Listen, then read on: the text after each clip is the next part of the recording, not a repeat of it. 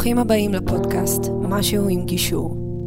פודקאסט על קונפליקטים, גישור ומה שביניהם. עם המגשרים נדב נשרי, דניאל הרוש וחברים. טוב, ברוכים הבאים. אה, פרק נוסף של משהו עם גישור. תוכנית שעוסקת בגישור, אה, גירושין, קונפליקטים, בכלל, מה שמאחד אה, בין בני אדם.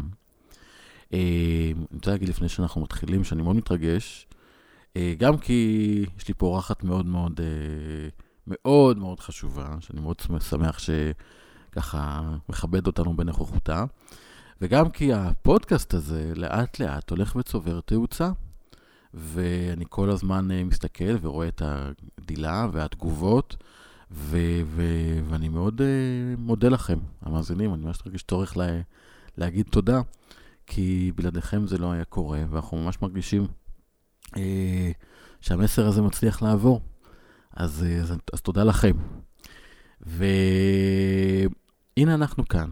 יש לי היום אורחת שאנחנו ניסינו קצת להבין כמה אנחנו, זמן אנחנו מכירים, אז בערך 7-8 שנים, נכון? משהו כזה. אה, שאני ניגשתי אליה, צריך להגיד, הקשר שלנו התחיל כי אני באתי אליה, אמרתי, אותה אני חייב להכיר, אותה אני חייב לפגוש, כי היא אה, מי שמובילה בארץ את השיטה שנקראת גירושין בשיתוף פעולה, שעל זה אנחנו הולכים אה, לדבר היום. אה, מש, שלושה מילים, שלוש מילים שנשמעות מאוד אה, פשוטות, אבל יש להם אה, המון עומק מאחורה, מה, בתהליך הזה. ועידית שחם היא המובילה של השיטה, ועידית היא עורכת דין כ-40 שנה. אה, היא לא מייצגת בבתי משפט, היא רק מגשרת. מה זה רק? היא מגשרת. זה המון. זו אמירה מאוד גדולה, שאפשר היה בקלות ללכת לבתי משפט, אבל היא פשוט לא מאמינה בזה, והיא תדבר על זה. יש לה גם MA בלימודי מגדר מאוניברסיטת לסלי ובמסצ'וצ'סט. מסצ'וססט. מסצ'וסטס, זה תמיד מכשול. אה, והיא גם שחקנית בתיאטרון חובבים, ורוקדת בשיטת ריו אביארטו. אז הנה, עידית שחם.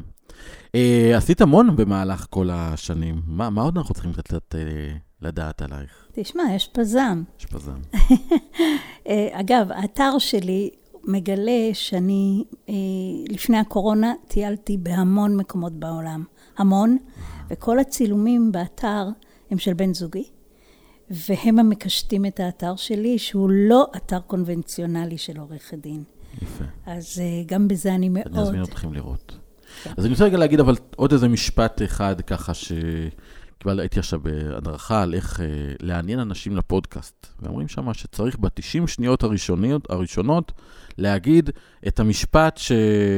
נאום המעלית, למה כדאי להישאר. אז אני אגיד את זה.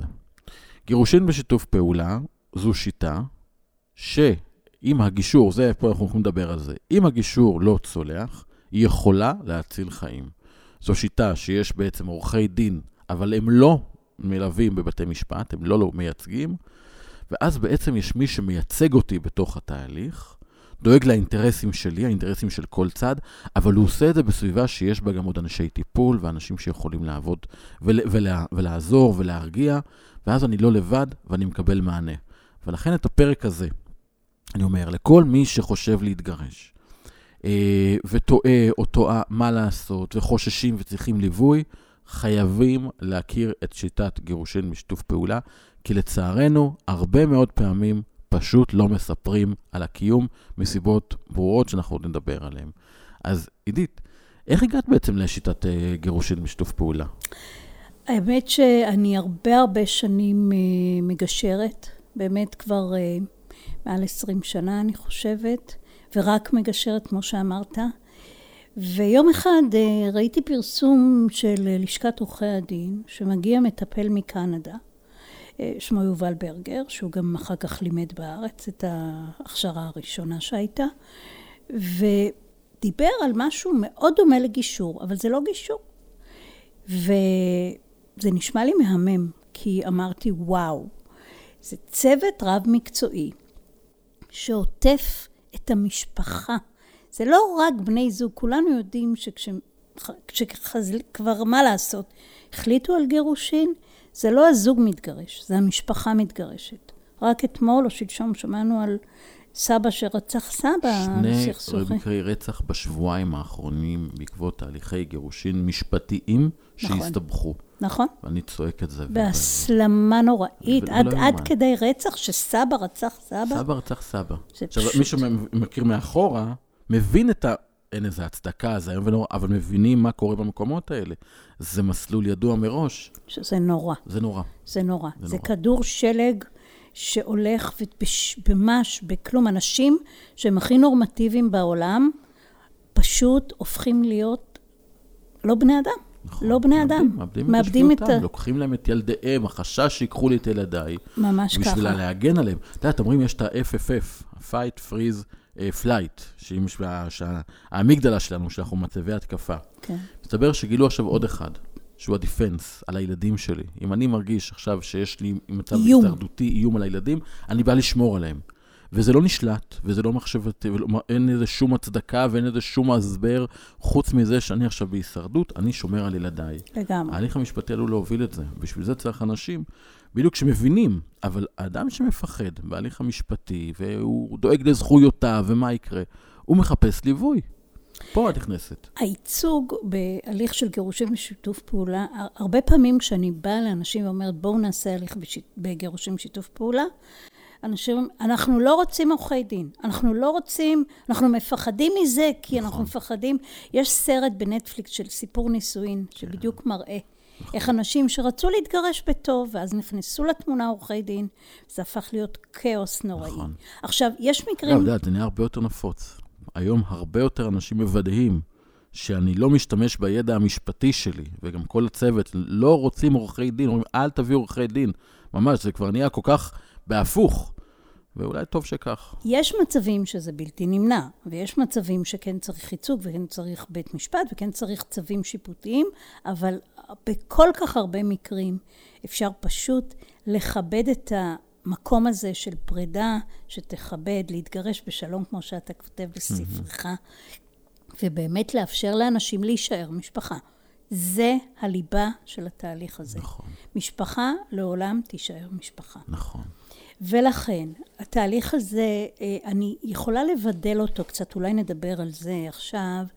מה ההבדל בין, למה גשת"פ? אני אקרא לזה גשת"פ, כי כל פעם להגיד גירושים שיתוף פעולה, זה, זה ארוך, אז אנחנו... שם אה, שצריך מיתוג מחדש, בואי נגיד את זה, גשת"פ, אבל נעבוד עם מה כן. שיש. אני קוראת לזה אגב משפט בשיתוף פעולה, כי אפשר גם ליישם אותו לסכסוכים, לא רק לגירושין, אבל פה אנחנו מתמקדים בארץ. הופה, נתת לי פה רעיון, כן. אוקיי.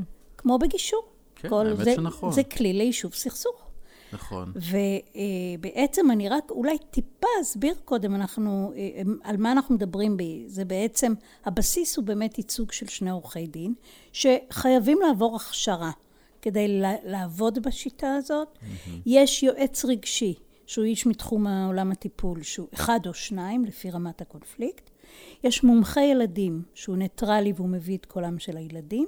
שזה כל כך חשוב. ממש. ויש יועץ פיננסי שהוא בכל החלקים ה hard-core של העניינים הפיננסיים, אם זה הערכת שווי חברות, אם זה אקטואריה, אם זה שמאות, אם...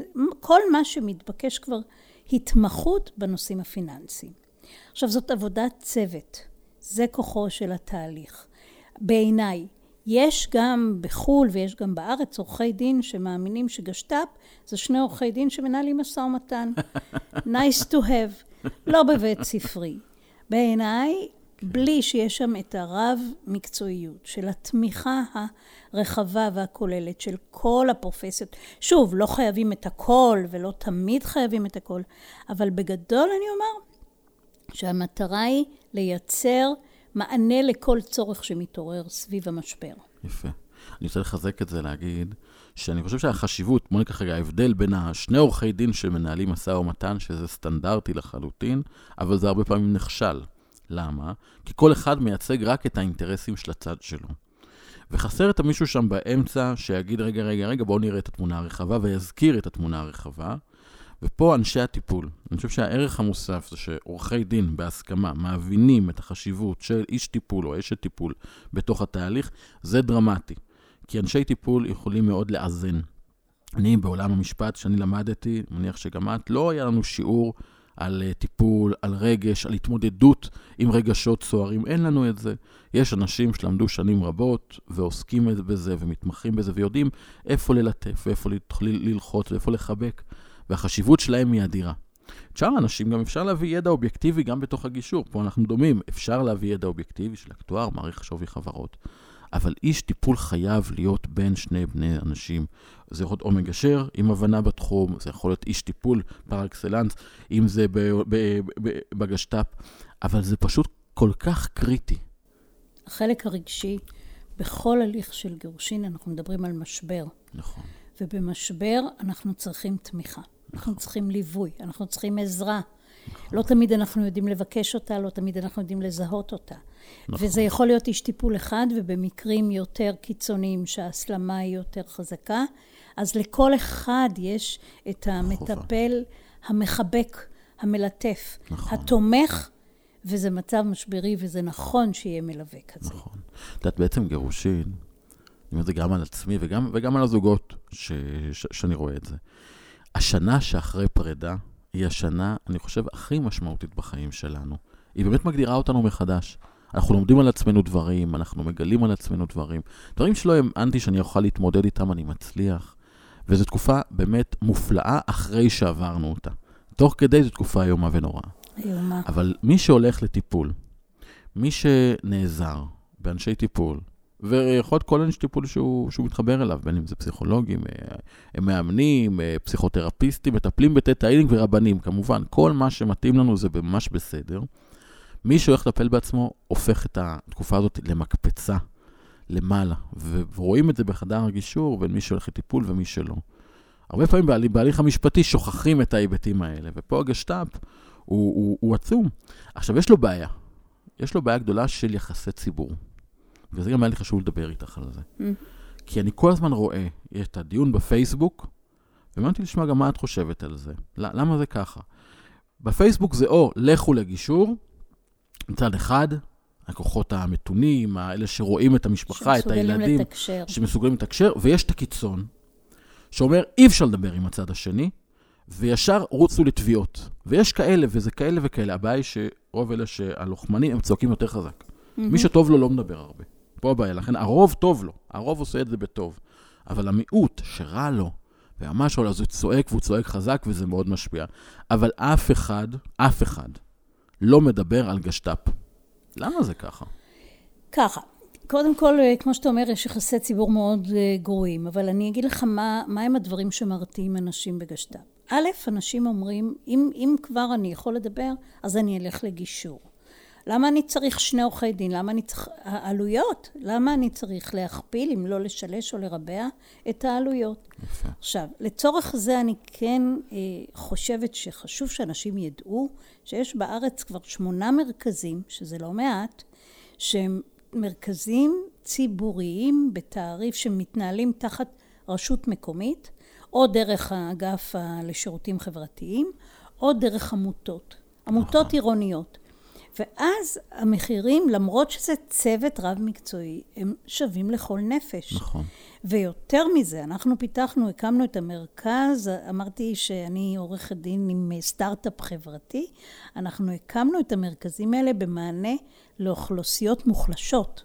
לאוכלוסיות שידן אינן, בדיוק, שהכי צריכות גם את התמיכה, גם את המעטפת, מעול, וידן אינה משגת. כל הכבוד. ובאמת, פה זאת פריצת דרך חשובה, כי זאת אמירה לאנשים, אתה יודע שאנשים בשביל, דווקא האוכלוסיות האלה, בשביל לממן הליך גירושין, או לוקחים משכנתה, או ההורים שלהם לוקחים משכנתה. כי ההורים מממנים את התהליך שהזוג כבר לא יכול לשלם אותו. יפה. ולכן... ואופ, איך, איך זה מתחבר רגע לרצח שהיה לפני שבוע, לפני שבוע? ההורים מממנים, הם חלק. לגמרי. ויש להם אחריות, רק, אבל אני עושה פה הרבה תהליכים עם סבא וסבתא. לגמרי. שזה מהמם, הם באים. ומחבקים, ברור. ואז אנחנו הופכים אותם במקום גורם שמנתקים אותו, והוא רק הברז הכלכלי, לתומכים. חלק מתוך לחלק, למשפחה. נכון, נכון. ויש להם זכות שכזו. עכשיו, אני כן התחלתי לומר, ואני רוצה לחדד את ההבדל בין גישור לגשת"פ. מתי זה ומתי זה. Okay. אוקיי. מתי גישור, אתה יכול להסביר uh, באריכות, בכל תוכנית אחרת. אני מכין uh, אותך שיהיה לנו פה קונפליקט, כי אני תמיד אגיד שתמיד קודם כל גישור. אני לא חולקת עליך. אוקיי, אז אין לא, לנו הנה, מחלוקת. אין לנו מחלוקת. אתה רואה, תראה באיזה קלות, באיזה קלות פתרנו את ככה זה הבעיה. לעבוד עם מגשרים. כן. אין לנו מחלוקת, גם אני אומרת. אבל, אה, למשל גישור ואלימות. יש מצבים, קודם כל צריך התמחות. כשזה מקרים שבהם יש התפרצות של אלימות, צריך לזהות את אפיון האלימות, ולא כל מקרה מתאים לגישור במצב של אלימות.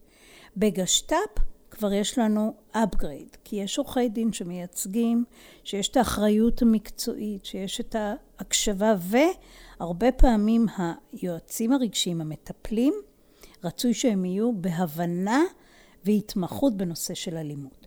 אז אלימות למשל זה מקרה שיותר יתאים, אפשר תמיד לנסות, אבל אני אומרת כן לגשת"פ. אני מקבל. יש מאמר יוצא לנו מן. הכלל. תראה איך אנחנו מסכימים על הכל, מה יהיה? אבל... אה, כנראה שאנחנו אומרים משהו שהוא מאוד- נכון ופשוט. כן. אגב, זה יופי בפודקאסט הזה, שככה אומר את זה, אמת פשוטה, ברורה, אבל בגלל שיחסי הציבור הם נמוכים, אז זה לא יוצא החוצה. נכון, אבל אה, הנה, כבר פתרנו לאנשים, כן. גם באלימות, גשת"פ, הנה, אני אגיד את זה. כן. אה, מקרים שיש בהם מורכבות משפטית, ואני אסביר. הרבה אוקיי. פעמים יש מצבים שהחלק האמוציונלי גובר על החלק המשפטי. למשל, הייתה לי דירה לפני הנישואים, או קיבלתי בירושה דירה, או כל דבר שבעצם לפי חוק יחסי ממון לבן הזוג שלי או לבת הזוג שלי לא מגיע ממנה, אבל כשהגענו לגירושין, מיד באה התביעה גם על נכס שלכאורה אין עליו שיתוף. במצבים כאלה, מגשר יכול לנסות להביא לפתרון יצירתי, אבל עדיין המורכבות המשפטית, הם הולכים החוצה הרבה פעמים להתייעץ עם עורך דין, ואז הוא אומר להם, מה? בשביל מה? זה שלך, או זה שלך. או לצד השני אומרים, אה, אתם קיבלתם את השכר דירה לחשבון המשותף, שיפצתם, עשיתם, השקעתם? חת- רווח ב- נכנס לחשבון שלכם, בטח בהליכה שנגיע. אתם מקבלים את הדירה הזאת. ברור, יש פה, יש אוקיי? פה, הוא הבטיח גם פעם את הדירה, פעם היא אמרה שתקבל בזה חלק. כן, ישבנו אצל חבר'ה והוא אמר, מה, הדירה שלי זה הדירה שלה, וכן הלאה וכן הלאה. אז גשת"פ מייצר פלטפורמה של דיאלוג שמאפשר להגיע להסכמות במצב של מורכבות משפטית. אז הנה, פה אני מוכן להגיד, רוצה להגיד, שדווקא במקומות האלה, שיכולה להיות מחלוקת משפטית, הדבר האחרון שהייתי הולך זה לדבר, לדבר על משפטית. כי תמיד יהיה את העורך דין שיגיד, אה, יכולת יותר, יכולת פחות. כי יש פסקי דין לכאן ופסקי דין לכאן. ואיפה שיש מחלוקת משפטית, איפה שיש לקונה, שהחוק לא מדבר על הדבר הזה, וזה בדיוק הנקודות האלה, בטח דיני משפחה, אז, אז פתרון הוא הכי גישורי. ואז דווקא אני, פה את הידע המשפטי שלי שוכח, כי אני יודע מה יגידו לשני הצדדים, ואני, ואני מחפש פתרון שהוא הכי יצירתי, אני מחפש איתם פתרון שהוא יצירתי. לגמרי. הרבה פעמים, אגב, הפתרון הוא בכלל ב, בילדים לעתיד. נכון. הרי אנחנו מדברים תמיד על, בסופו של דבר בגירושים, זה מה אנחנו עושים בתקופה עד שהילדים שלכם מקבלים את הירושה. כמה אתם פשוט פחות אה, אוכלים להם מהירושה. כן. וברגע שמתייחסים על זה, אפשר למצוא פתרון יצירתי. משפטית, אין פה פתרונות למקומות האלה, ודווקא לחדד את השיח יכול להקשות, לדעתי. אז דווקא בעורכי דין של גשת"פ מחפשים ביחד כן פתרון משפטי, אבל ברוח הגישור. אז זה פתרון גישורי. תראה, כן, משפטי זה, אני נכון. ואת יושבים כאן עכשיו, אפשר לקרוא לזה אירוע משפטי. הכל כן. זה משפטי. נכון, אז לכתוב משהו על פתק. אבל הם יושבים כמגשרים. נכון. זה עורכי דין, ואת יודעת מה, אני אגיד גם שהם כן- חושבים ביחד, אבל נדב, זה, יש הבדל. נכון. כי, כי אנחנו, הרבה פעמים מצאתי את עצמי בגשת"פ, יושבת עם העורך דין, ושנינו שוברים את הראש איך לתת מענה, לא רק ב, בשיח הגישורי, אלא מעבר לזה, לתת איזו פלטפורמה שגם תניח את דעתם של הצדדים, אבל גם תהיה לאורך זמן ותהיה...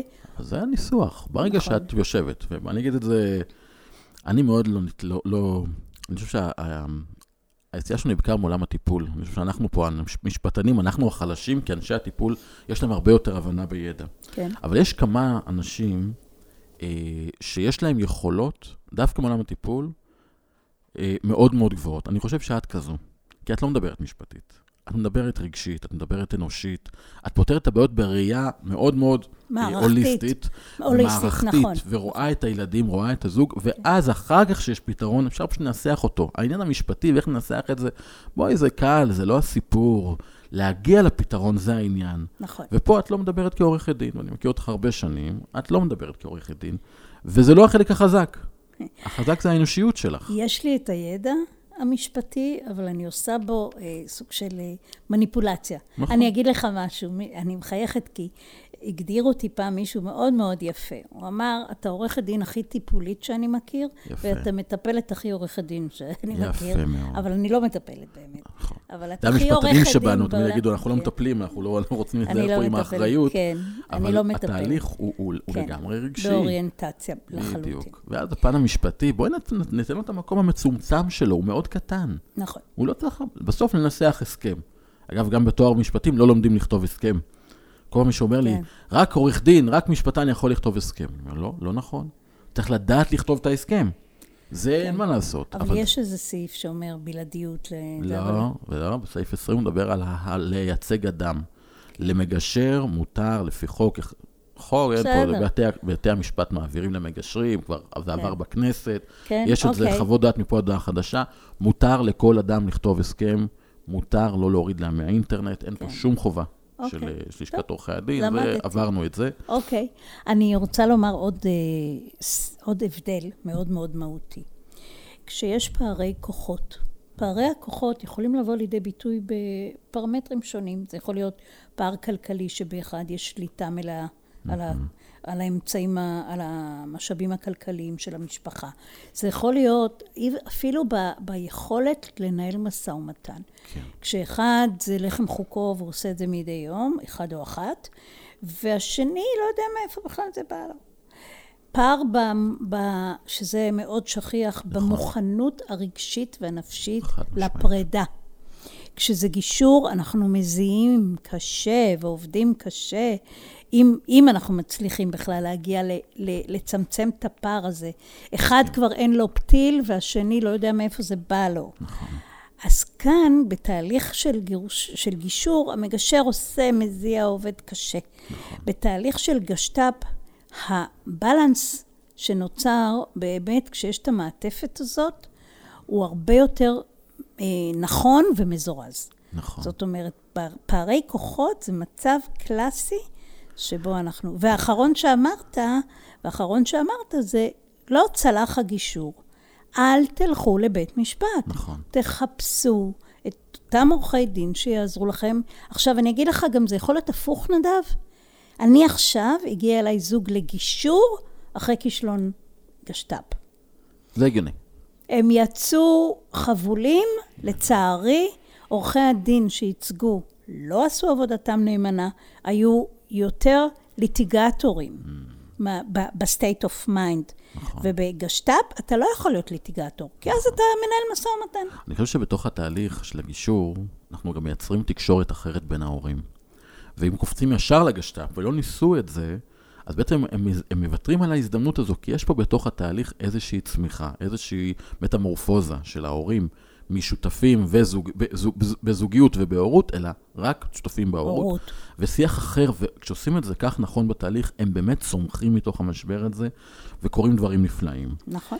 יש מקרים, אני אומר את זה, כי אני, אני אין דבר כזה להגיד לא לתיק. אני לא, מגיע זוג, אני אומר כן. אני לא, אני, אני תמיד הפחד שלי זה שהם ילכו או למישהו שהוא אה, פחות מנוסה. אני אגיד את זה ככה, כי עולם הגישור, אנחנו יודעים, הוא, הוא פרוץ לחלוטין, ויש פה, ו, ויש בעיה.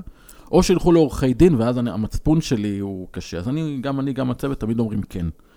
ויש מקרים שאני אומר, וואי, אמרתי כן, ואיזה כאב ראש. כי פתאום מבינים בדיוק מה שאמרת. אחד רק התחיל את תהליך האבלות, ואחד כבר סיים אותו ורוצה יאללה, קדימה, כבר נגמר לו הפתיל. או שכבר מחכה או מחכה לו צד ג', שזה גם אפשר. זה גם, אבל אני פחות מוטרד. דווקא כשיש את המקום הזה, שמישהו בצד ו- ויש לו פורקן למקום הזה, לא, יש אז- לזה יתרונות בהחלט. יש לזה יתרונות גם כן. אני אגיד את זה, לא מעודד את זה, עדיף, ש... עדיף שלא, אבל, אבל לא, לא בגלל הבגידה זה הבעיה.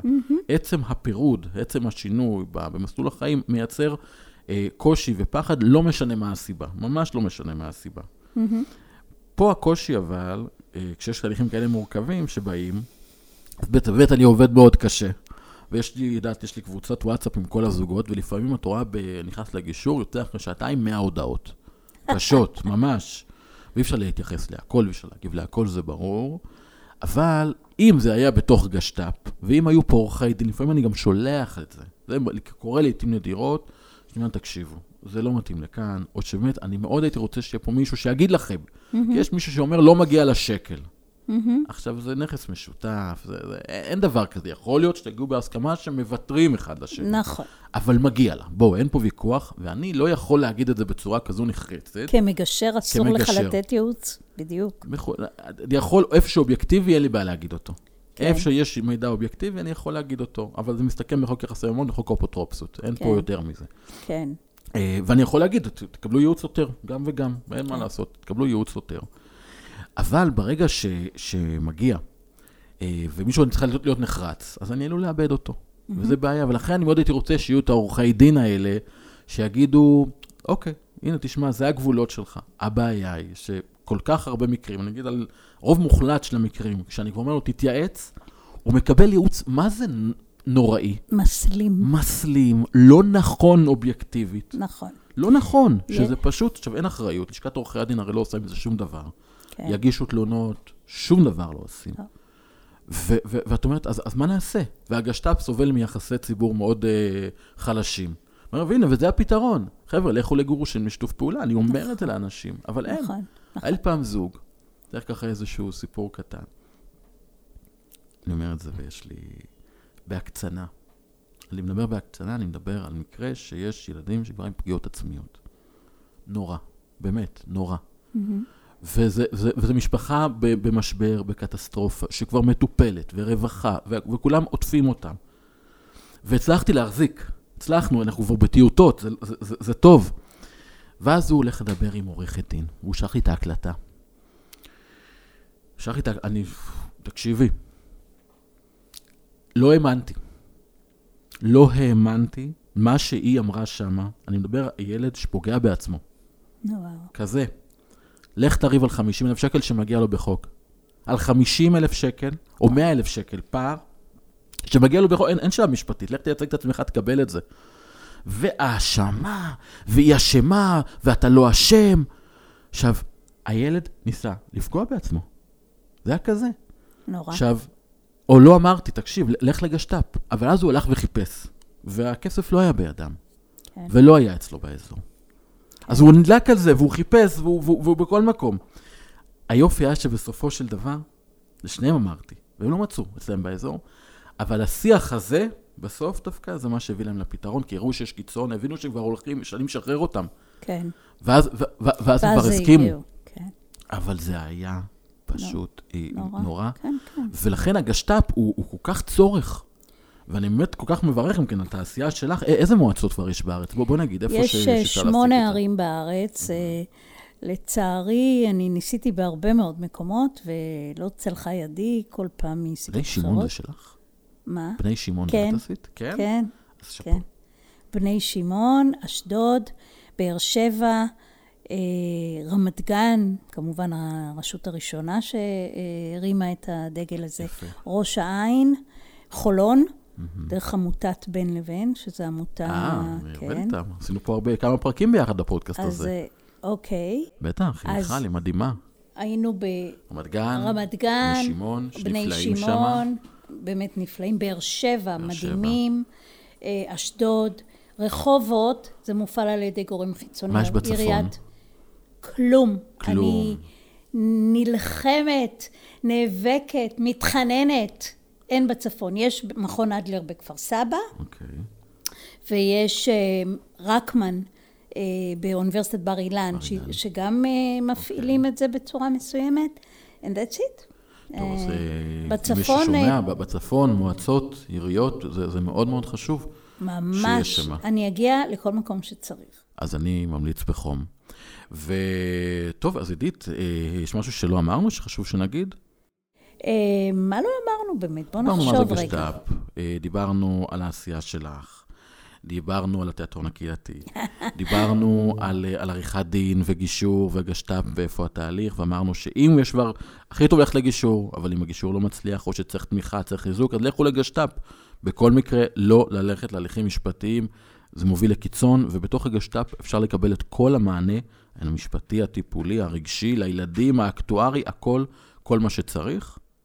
אני, אני רוצה לספר לך, לא שאלת אותי, איך הגעת לזה? איך הגעת לזה? אתה רואה? אז הנה אני אספר לך. סיפרת לי שהיית בלשכת עורכי הדין, וראית את לא, הקורס. לא, לא, איך הגעתי לגשת, איך נחשפתי, איך אני החלטתי, למה החלטתי לא לייצג בבית משפט? אה, אוקיי. זה משהו שכדאי לדעת, זה חשוב זו לדעת. החלטה שוויתרת שם על בעצם מאות אלפי שקלים. ב- בלי להתבלבל. בלי להתבלבל. לפעם אחת, לא. לשנה. כן, כן. נכון. הכסף זה לא העיקר. אני אגיד לך, אה, את הת... אני לפני המון המון שנים הצגתי בבית משפט, הייתי יועצת משפטית במקלט לנשים מוכות, והופעתי בבית משפט, זה עוד היה בית משפט מחוזי, בשביל שתבין כמה הרבה שנים עברו מאז. מצאתי את עצמי אה, במקום הכי מתסכל בעולם, שהלקוחה שלי, האישה המוכה, עוברת חקירה מעליבה, פוגענית, אביוסיב ממש, ואני קמה ואני אומרת לשופט, אני מבקשת להפסיק לחקור, והוא אומר, גברתי תשב. גברתי זאת הייתי אני. כן. ובאותו רגע אמרתי לעצמי, עידית שחם, מה את עושה פה? ואמרתי, I'm not going back there. יפה. וזה סיפור שמלווה אותי. כן, איזה אה, מקום נורא, איך אפשר להיות שם בתוך המקום הזה? תראה, יש, באמת, אני יש לא, לא, מקום... לא, לא יכולתי, זה נראה לי... אני אומרת לך, יש כאלה שאין מנוס וחייבים, ויש הרבה מאוד עורכי דין שעושים עבודתם נאמנה. אני, במקום שהרגשתי ש... אה, אני לא, לא מקבל את זה. אין, מה זה אין מנוס? כשמישהו משוגע, כשמישהו בעיות רגשיות, בעיות נפשיות, זה הכי גישור טיפולי. בית משפט אין שם פתרון. אבל בית משפט לא אנחנו מוצא יכולים משפחה. לדבר על זה פעם אחרת, אבל היה חשוב לי להגיד בשמחה. שזאת הייתה בחירה. כל הכבוד. ותודה רבה, נדב, על ההזדמנות תודה לבוא לך. ולספר. תודה רבה. ו- ותודה למאזינים, תודה ש- שהקשבתם. ואני כמובן אה, מבקש אה, לשתף, להעביר את המסר. אם יש לכם חברים שהולכים להתגרש, או שאתם, תקראו על גשת"פ, תאזינו לפודקאסט, תעבירו את המסר הזה. אנחנו עושים את זה באמת אה, בכוחות עצמנו ובתקציבים אה, מאוד דלים. והמזל הוא שיש לנו, אנחנו מדברים באמת, אנחנו מדברים על עובדות. אנחנו אומרים דברים נכונים, ואנחנו יודעים שיש צורך מאוד מאוד גדול. אה, ואתם, אתם המאזינים, אתם הכלי שלנו, האמצעי שלנו להעביר את המסר, אז אנחנו מאוד מבקשים את העזרה שלכם. אפשר למצוא אותנו גם בפייסבוק, אה, נדב נשרי, משהו עם גישור, אה, יש את האתר האינטרנט, את עידית שחם, תעשו, את עידית שחם, זה גם האתר האינטרנט שלך, כן, גוגל. אה, ממליץ גם כן לראות. ותודה רבה גם כמובן לשרון, שרון קניאל, שפה על ההקלטה, ובלעדיה זה שום דבר לא קורה, כי כל הטכנולוגיה הזאת פה מלחיצה אותי. אה, ואנחנו. נפרדים. תודה רבה. תודה, נדב. להתראות. להתראות.